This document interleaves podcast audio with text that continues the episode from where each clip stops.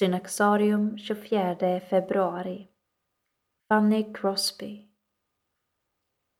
Frances Jane Crosby har kallats den kristna sångens drottning.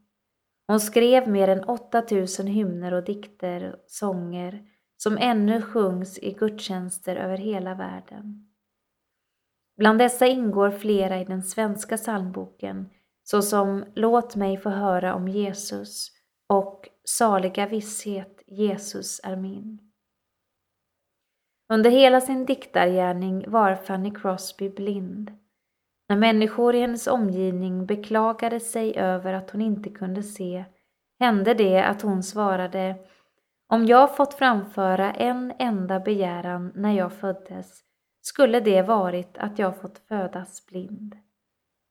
Det första ansikte jag kommer att få glädjen att se när jag kommer till himlen bli nu min frälsares. När hon bara var två månader blev Fanny sjuk och olyckligtvis var familjens ordinarie läkare bortrest. En man som gav sig ut för att vara doktor behandlade henne genom att stryka senapspulver över hennes ögon. Läkaren visade sig vara en kvacksalvare och försvann snabbt.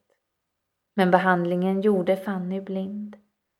Hennes far dog en kort tid senare och modern tvingades söka arbete som hemhjälp för att ordna med försörjningen.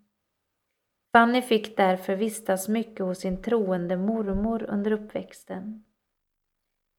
Redan som barn väcktes hennes kärlek till lyriken och hon skrev sina första dikter när hon var åtta år.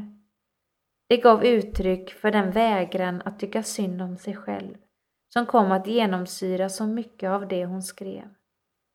Hon började också memorera Bibeln och kunde redan som barn recitera flera bibelböcker utan till, bland annat evangelierna, Höga visan och många av psalmerna.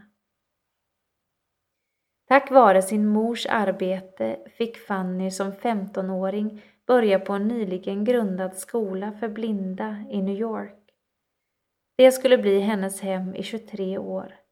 12 år som elev och 11 som lärare.